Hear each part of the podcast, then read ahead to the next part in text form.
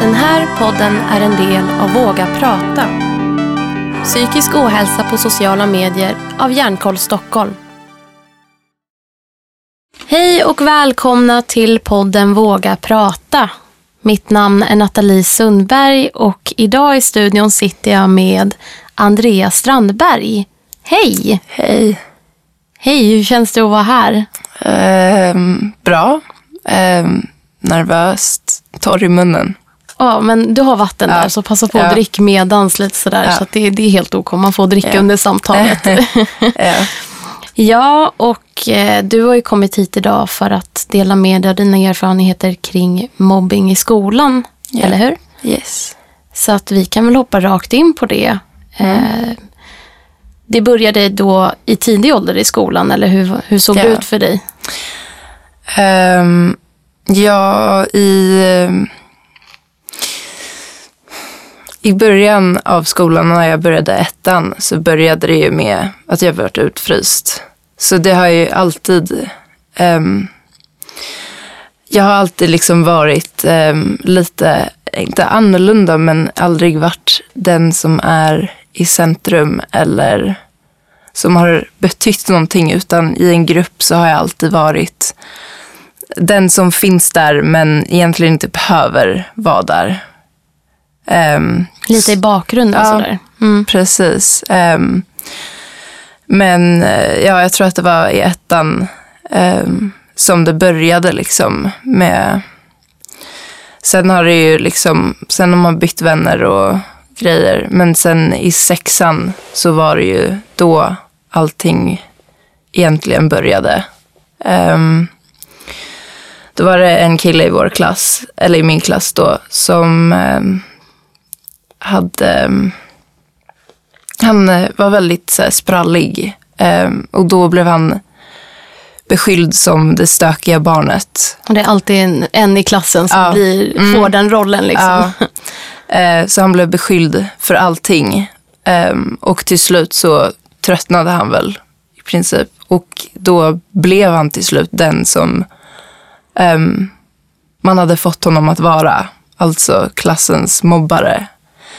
Ehm, och det blev en enorm klyfta mellan tjejer och killar. Och bara, alltså en allmänt extremt dålig stämning. Ehm, Var det här samma klass då som du hade gått från ettan? mm, Och då ja. hade det redan pågick lite så utfrysningar då? eller? Ja, ja, lite utfrysningar och ja, men, ja, bytt kompisar en hel del gånger och bara följt med strömmen i princip. Um, men um, sen så i sjuan då så slutade min bästa kompis som jag hade haft i några år. Och jag insåg att om jag ska kunna vara med dem som är kvar i klassen så skulle jag behöva frysa ut henne. Så jag bröt kontakten totalt. Eh, och började snacka skit om henne. För att stanna och för att vara relevant i klassen. I princip. Men hade hon då redan, alltså hon hade bytt skola då eller? Mm. Mm. Och hur blev det för dig då? Eh, att hon bytte skola. Ja, det är också, men just det här att du var tvungen att gå in i att prata skit om någon som, som du egentligen tyckte om. Um, men ja, det var ju jättejobbigt. Ehm, och jag visste ju att hon visste precis vad jag sa. Um, men det var ju allt på grund av ett rykte som hade spridits. Att hon hade inte tyckt om mig. Men um, djupt ner så förstod jag ju att det inte var sant. Um, sen så gick vi eh, i åttan. Och då hittade jag ytterligare nya kompisar. som jag sen hängde med eh, genom hela åttan och eh, i nian. Ehm, sen så eh, under höstterminen i nian så eh, bröt de med mig. Så här, sakta men säkert så började de undvika mig och eh, försökte att inte vara med mig och ehm, slutade prata med mig och skapade privata så här, gruppchatter mellan ja, de två. Det var två jag var med. Um, och till slut då så sa jag till och frågade dem liksom vad som hände. Um, men de uh, tyckte då att det var jag som överreagerade.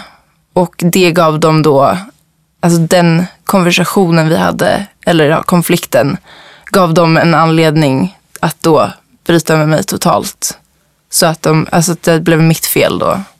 De, de tog det där och använde sig av det mm. till att liksom bryta ännu mer. Mm, precis. Um, så jag hade ingen genom hela höstterminen.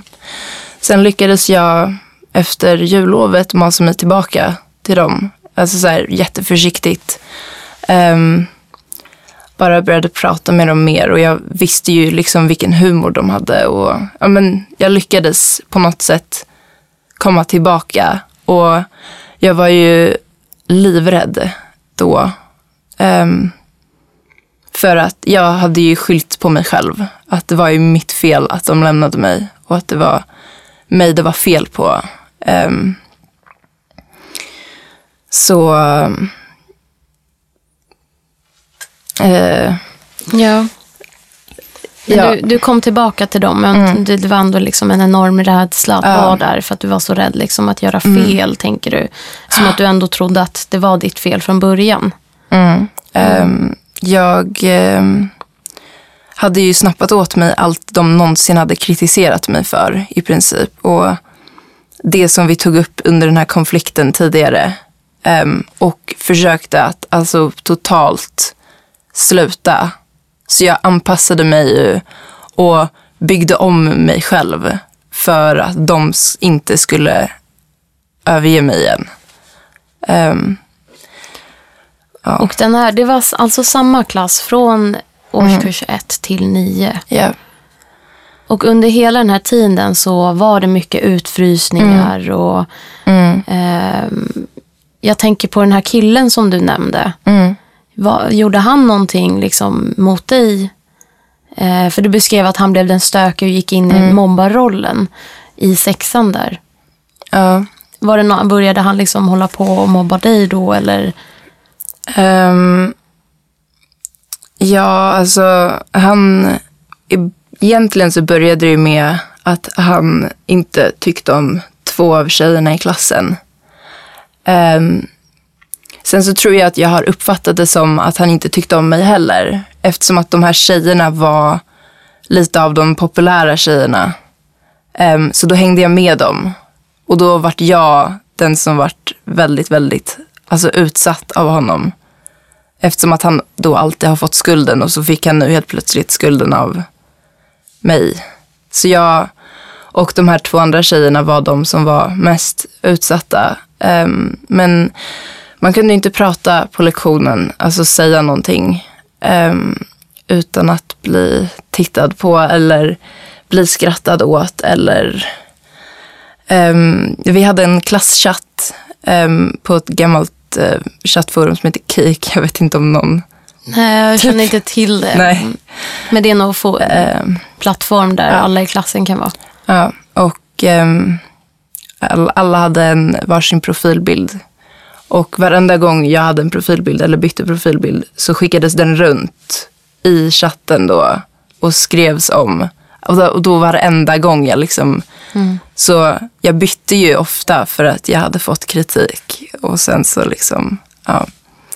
Men jag bara tänker direkt, var det ingen lärare som uppfattade det här och tog tag i det hela eller pratade med dig eller några, de som utsatte dig för det här? Um, Alltså det var så subtil mobbing och um, ja, men det var på något sätt så var det liksom att det hände mycket andra grejer. Alltså um, killarna i min klass var väldigt stökiga i allmänhet. Um, så att de var elaka mot oss, det var liksom och dessutom så hade man alltid försökt dela upp det i tjejer och killar. Så då blir det bara en ännu större liksom, klyfta. Att man, man, pratade, man pratade med tjejerna som att, alltså, att alla var offer. Och det var ju ändå liksom mestadels tjejer som hade blivit liksom um, ja, kallade saker eller uh, och sen så skällde de då ut killarna, vilket inte var en bra strategi. Och det gjorde ju bara saken mycket, mycket värre. Helt enkelt. Hade, hade du, eh, vad tänker du hade varit en bra strategi i, i den situationen? Um, att försöka, jag vet inte, men föra samman klassen på ett annat sätt. Vi hade ju, det var ju så sjukt för att när vi var på klassresor så följde ju aldrig den här killen som var kaotisk med. Och det var ju så trevligt och lugnt och fint och alla var med varandra och hade det bra. Men sen när det var tillbaka i skolan så var allt som att det hade inte hänt liksom. Um, så att, men, att försöka typ bygga om, bygga upp klassen på nytt uh, på något sätt hade nog varit en bra strategi. Mm. Och sen lite det där, jag tänker på det här med att sätta in elever och barn i olika roller. Det är lätt att har man en förväntning på någon så blir då resultatet just det man förväntar sig. Mm. Att som lärare då gå in med en helt annan annat synsätt kanske. Mm. Och förväntan på, på elever. Ja. Men tog du hjälp av någon? Pratade du med dina föräldrar eller pratade med någon lärare om det som skedde? Um, ja, jag försökte ju. Jag var ju en av de tre som um, var liksom mest ska man säga, mest liksom utsatta. Um, så jag var ju på flera lärare, men det gjorde ju bara situationen värre. Alltså det, det, uh, att vara klassens skvallerbytta var verkligen inte populärt bland eh, killarna då. Men vad gjorde lärarna? Då gick de då till de som hade utsatt dig för det här och skällde mm. ut dem? Mm. Um, och uh, jag kommer ihåg speciellt en incident. Uh, det var nog det som, ja, men det var det som startade alltihopa som jag började prata om. En förmodad, ett förmodat missförstånd från min sida att en kille hade kallat mig slyna.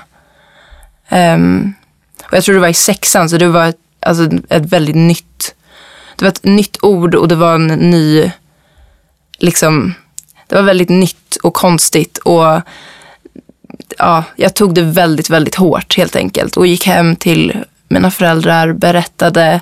De vart jättearga och ringde hans föräldrar. Och jag fick dagen efter av honom en rejäl utskällning och han liksom kom och bara, ska du ringa dina föräldrar igen? Huh? Ska du skvallra för dina föräldrar igen? Och sen dess så liksom vart det bara kaos. Mm, och det var ingen lärare som följde upp dig efter det här? Eller nej. liksom blev nej, nej, nej. att det blev ingenting? Nej. Mm. Um, men en, även trots det här så vart jag ju mer arg än rädd. Så jag fortsatte jag att följa upp med lärarkontakt när någonting hände.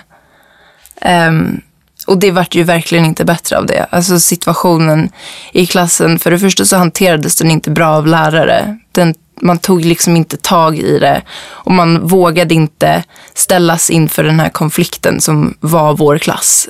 Um, men eh, alltså det blev ju också mycket värre med tiden. Alltså den här klyftan mellan tjejer och killar växte ju. Och det var ju verkligen som värst i nian. Um, och um, ja, men då i samband med att jag hade, jag hade ju kommit tillbaka till mina kompisar efter jullovet. De hade sen dumpat mig igen. Eh, under samma liksom process som innan. Um, och i samband med då att klassituationen i allmänhet var så pass dålig så kunde jag inte gå kvar i skolan.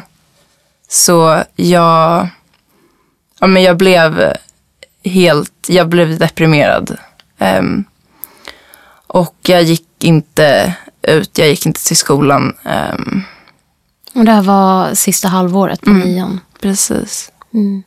Vad hände då? Eh, reagerade dina föräldrar eller var det någon lärare? Fick du någon hjälp i det här när du började sluta? För jag förstår det som att du slutade gå till skolan och hamnade i en depression. Mm.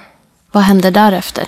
Ehm, ja, men eh, mamma ehm, fanns ju där och hjälpte ju mig. Ehm, och vi satt ju ofta med skolarbete. Ehm, hon och jag och det var ju jättejobbigt. Jag, var ju, jag kunde inte skriva texter eller läsa texter överhuvudtaget. Um, för att jag mådde så pass dåligt. Men jag fick även um, hjälp av skolan. För jag fick sitta på um, ett särskilt ställe där jag kunde slappna av och göra ja, arbeta med händerna liksom och få samtidigt som jag då gick till skolan. Vilket var alltså jättestort för mig för att jag vågade ju inte träffa, jag vågade inte se. Jag ville inte att någon av mina gamla klasskompisar skulle se mig. Alltså alls. Ehm, Hur länge var du hemma innan du vågade gå tillbaka till skolan igen?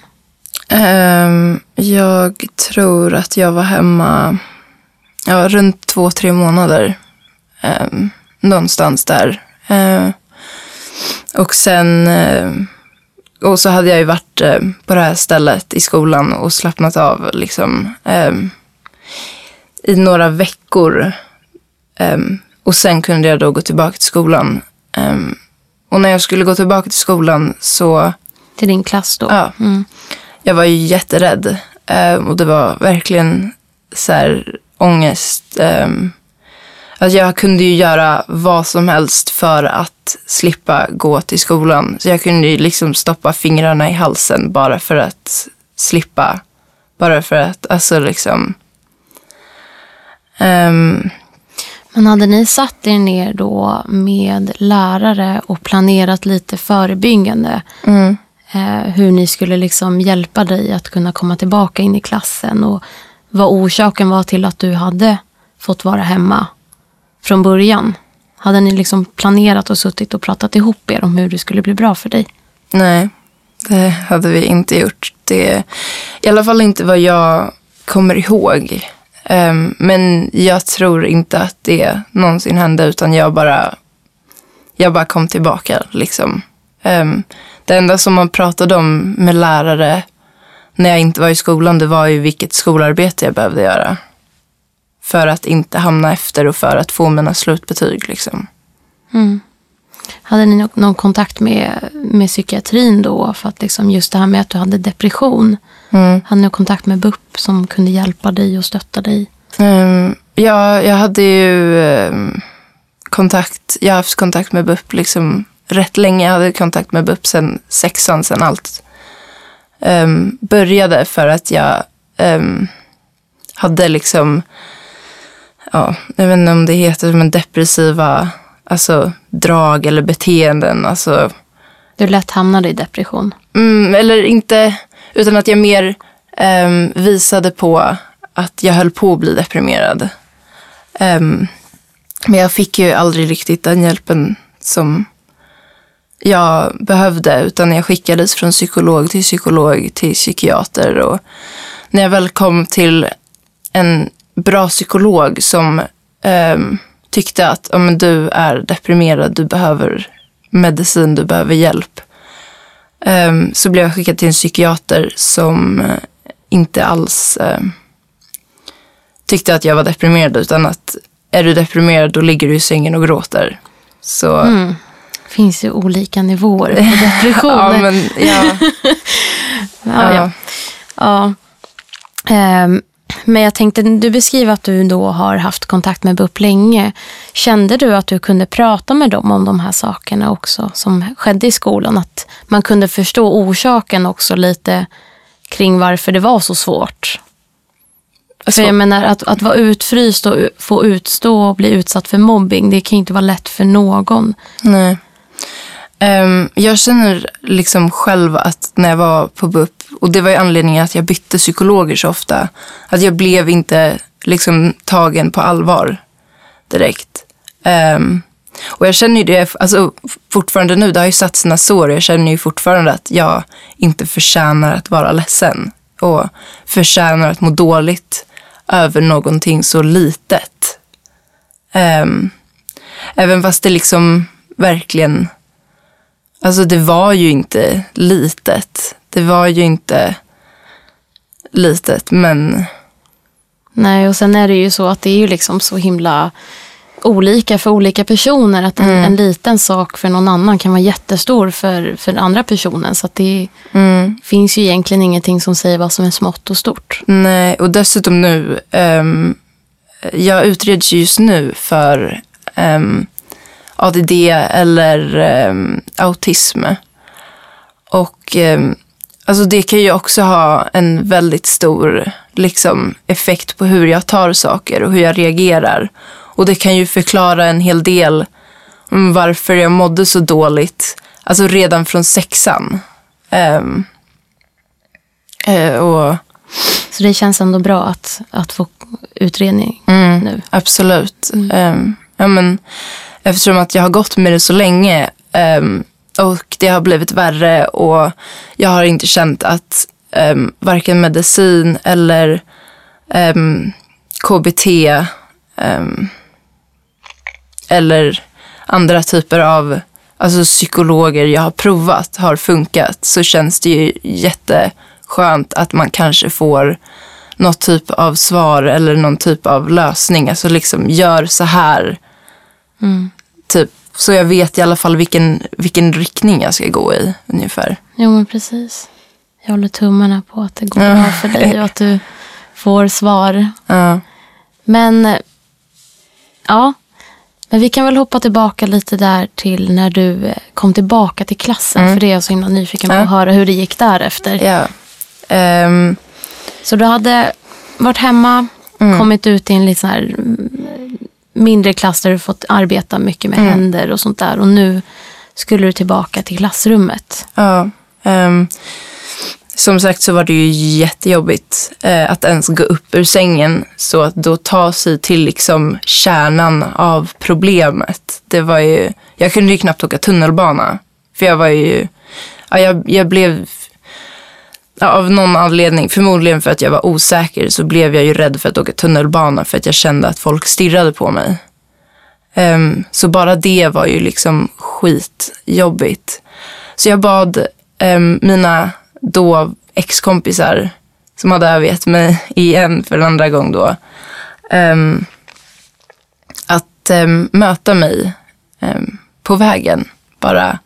Så att vi kunde gå upp till skolan tillsammans. Så att inte jag behövde gå upp själv. Och att folk skulle stirra och du vet så här, men det är klart man stirrar om någon kommer tillbaka och vi har varit borta i två månader liksom. Mm. Um, men de kommer liksom ganska många undanflykter. Och jag verkligen, liksom, verkligen bönade och bad om att liksom, jag behöver det här. Jag kommer inte klara av att gå tillbaka annars. Um, men ja, jag fick upp själv. Um, till slut. Och de sa inte hej heller. Ingen, liksom, ingen sa någonting. Förutom några tjejer som faktiskt um, har varit rätt snälla. De frågade hur det var och sådär. Men annars var det bara, fick jag bara möta liksom blickar och mm. ja. Hur gick det sen? Kunde du fortsätta studierna i klassrummet? Um, ja, det gick, ju, det gick ju bättre då. Um, det var ju bra att jag fick något att göra på dagarna. Så att jag inte låg och sov, för det var det jag ofta gjorde. Um, och att aktivera, aktivera både mig fysiskt och att, att, att aktivera min hjärna. Um, och jag hade en kompis som jag var med. Vi klickade inte så himla bra. Uh, hon satte på sig lurar när det var rast. Jaha, uh, Socialt. Så, ja, jo, men verkligen. Så jag var ganska mycket för mig själv. Liksom. Um, och ända fram till avslutningen och även på avslutningen så sa ingen av mina kompisar ett ord till mig. Um, ingen annan sa ett ord. Ingen, på avslutningen var det ingen som sa hej då. Um, Alltså ingenting, vi visste ju att vi aldrig skulle träffa varandra igen. Men nej, ingenting. Jag fick inget Mm. alls. Liksom. Ja. Tufft. Mm. Verkligen. Det låter nästan som att jag blir, jag blir bara direkt så här. Fuck de där personerna, skit i dem. Fan, det är klart du kan få vänner. Liksom. Det, är, det finns så mycket bättre personer än... Ja. Men det är skitjobbigt, det är klart. Det är jätteviktigt, en del av ens uppväxt liksom. Mm. Ja. och utveckling. Men därefter så började du i gymnasiet. Jag vet inte hur gammal du ja. är nu. Jag Du går i tvåan. tvåan nu. Hur har det gått på gymnasiet? Ehm, ja, men alltså direkt efter att jag slutade nian så öppnades jag. Jag hade ju aldrig riktigt haft alltså, socialt umgänge utanför skolan. Utan det var liksom, mina kompisar var i skolan. Men tack vare en kompis utanför skolan så öppnades jag liksom upp till en helt ny värld av människor som ville lära känna mig och ville vara kompis med mig och som var snälla och jag var helt chockad. Liksom. Jag trodde inte att det var möjligt. Um, och sen då i början av gymnasiet så jag var rätt blyg och jag hade rätt svårt med, alltså jag hade svår social fobi. Ehm, men jag lyckades i alla fall få alltså, jättefina kompisar i gymnasiet och eh, efter några månader faktiskt en jätte, jättefin pojkvän som jag fortfarande är tillsammans med. Men gud vilken vändning, vad Ja. fantastiskt. Ja, ja, ehm, Vilken grej. Det är bara så här switch och så bara fick du allt det där liksom. Som du från början förtjänade. Gud vad roligt. ja, um, jag tampas ju fortfarande med alltså, svår ångest, um, ja, panikångest och depression. Um, på grund av alltså, det som jag har varit med om. Men um, ja, det, det har ju verkligen tagit en vändning och jag känner att när jag började gymnasiet så bara alltså, kraschade jag ungefär. Alltså jag kraschade totalt liksom för att jag allting bara alltså slog in, allting bara blev så tydligt. Ehm, och jag förstod vad jag hade varit med om. Ehm, men jag är på bättringsvägen skulle jag verkligen säga. Och speciellt med den här ehm, utredningen som jag faktiskt kommer få svar på innan sommaren. Så Ehm, jag tänker, hur ser du på framtiden idag? Ser du fram emot något speciellt i din framtid eller hur, hur känner du för allt som väntar dig? Ehm, jag, jag har ju varit svinrädd för framtiden um, eftersom att jag har känt mig så misslyckad och eh, dålig. Ehm, men jag ser faktiskt fram emot framtiden. Jag ser liksom någonting ljust och jag går ju, just nu så går jag en, en fotolinje. Eh, och jag kul. tycker jättemycket om att fota. Så jag har liksom hittat någonting jag tycker om och är bra på. Så det har ju verkligen också vänt liksom från att vara helt typ svart till att det ändå finns något. Någonting att röra sig Ja, mot. Liksom. precis. Mm. Mm. Hur hade du önskat att det hade sett ut?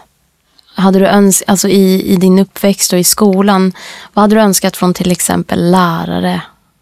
I, eller liksom hur hade det kunnat se annorlunda ut? Um, alltså jag hade ju önskat, mamma tjatade ju på mig att jag skulle byta skola. För jag kom ju hem och jag var så ledsen, så mycket. Och jag mådde ju så dåligt. Men jag vågade inte byta skola. Um, för att um, ja, jag var rädd att jag inte skulle passa in och att det skulle vara en ännu värre situation än vad jag redan var i. Jag var liksom trygg i den här typen av mobbingmiljö på något sätt. Um, men jag önskar att, att lärare hade tagit tag i det, verkligen. Att, att, man hade fått, att jag hade fått någon bekräftelse att det, det är okej, det du har varit med om, det är jobbigt. Um, det är tungt, det är tufft, det är liksom... Um, och att jag inte hade blivit liksom ignorerad som jag blev. Samtidigt så kan jag um, så ser jag att, och känner att jag har fått mycket utav att, um, att den här situationen hände. Att jag blev deprimerad för jag har kunnat se alltså, grejer hos mig själv som har varit alltså, skadliga för mig själv. Som att alltså, jag har verkligen anpassat mig till andra människor förut. Um, till den graden att jag liksom, ja, men jag ljög jätte, jättemycket. Um, och hittade på liksom en alternativ personlighet. Och det har jag ju kunnat se tack vare att jag liksom har hamnat i den här situationen. Det låter ju jättehemskt att man ska behöva gå igenom något sånt här för det, men alltså ändå. Ja, det, det är tyvärr det där onda som är så jobbigt att genomlida. Ibland behövs det faktiskt Mm. för att man ska kunna få perspektiv på livet och en själv. Mm. Det, ehm, om någon nu som har utsatt dig för den här typen av mobbingen, eh, om de skulle höra dig prata i podden idag, är det någonting som du känner att du liksom vill dela med dig? Ehm, ja, alltså, jag har ju fortfarande en, ett behov av att hävda mig inför många av mina gamla klasskompisar. Ehm, samtidigt som jag vill liksom ehm, på något sätt hämnas på dem som frös ut mig och som var elaka mot mig. Så det är verkligen så här, Kluvet liksom. Ja, Mm. ehm, så jag vet faktiskt inte vad jag skulle kunna säga. Att, att någon skulle lyssna på det här som har gått i min gamla klass känns jätteläskigt. Mm. Ehm, jag, jag skulle väl säga att man, alltså man behöver alltså tänka ut från sitt eget perspektiv och tänka på vad man, liksom vad man gör, vad man dras in i. Ehm, för vi hade mycket grupptryck och det var många jättefina människor i min klass ehm, som drogs med. Ehm, så att, att lyssna på sig själv tror jag skulle vara någonting som de skulle vinna på. Jättebra tips. Det är så lätt att man bara liksom, Mm. ja men likt din situation, alla Mm. vill ju passa in, alla vill ha en gemenskap och då är det så lätt att man hakar på saker som egentligen inte är rätt eller en själv, liksom, vad man själv skulle göra. Mm. Så att det är bra tips. Ehm, men om vi går tillbaka till det här med vad man hade kunnat göra annorlunda. Då var det ju att lärare hade kunnat bekräfta dig i det hela. Mm. Det här kring att det faktiskt var en allvarlig situation och att de hade liksom reagerat mer. Är det något annat som du tänker från, från BUP eller från dina föräldrar eh, som du hade önskat? Ja, att alla, att folk kunde förstå. Jag har ju liksom, ja, men alltid fått höra att jag överreagerar. Och det hör, hör ju lite ihop med att jag ska bli trodd på. Men att, att både BUP och lärare och eh, ja, i vissa fall föräldrar då förstår att jag överreagerar inte. Det här är jobbigt för mig. Och varför det är så jobbigt för mig, det, det vet jag inte, men det bara är så. Typ. Ehm, Ja, alltså verkligen. Gud vad starkt och tufft att behöva gå igenom allt det här. Det tycker jag inte någon ska behöva göra. Men helt otroligt att du sitter här idag och delar med dig av det här. Alltså det är ju bara helt fantastiskt. Det är verkligen cred till dig. Nej men det är verkligen. Eh, och vi kommer ju alldeles strax börja avsluta den här podden. Men jag undrar lite kring om det är någon som känner igen sig, som själv blir utsatt för mobbing på skolan, eller genom, ja, vad det nu kan vara. Vad skulle ditt tips och rekommendation till den personen vara? ehm, ja, jag skulle väl säga att alltså, man förtjänar bättre. Alltså, du förtjänar så mycket bättre och det finns så mycket bättre. Alltså världen är inte bara det du har sett. Alltså liksom det som, det som finns just i din omgivning. Om din omgivning är eh, ja, toxic, byt. Alltså verkligen, byt skola, um, byt kompisgäng. Och det är en jätte, jättesvår sak att göra. Men är du i en sån mörk situation så är det väldigt svårt att den blir mörkare.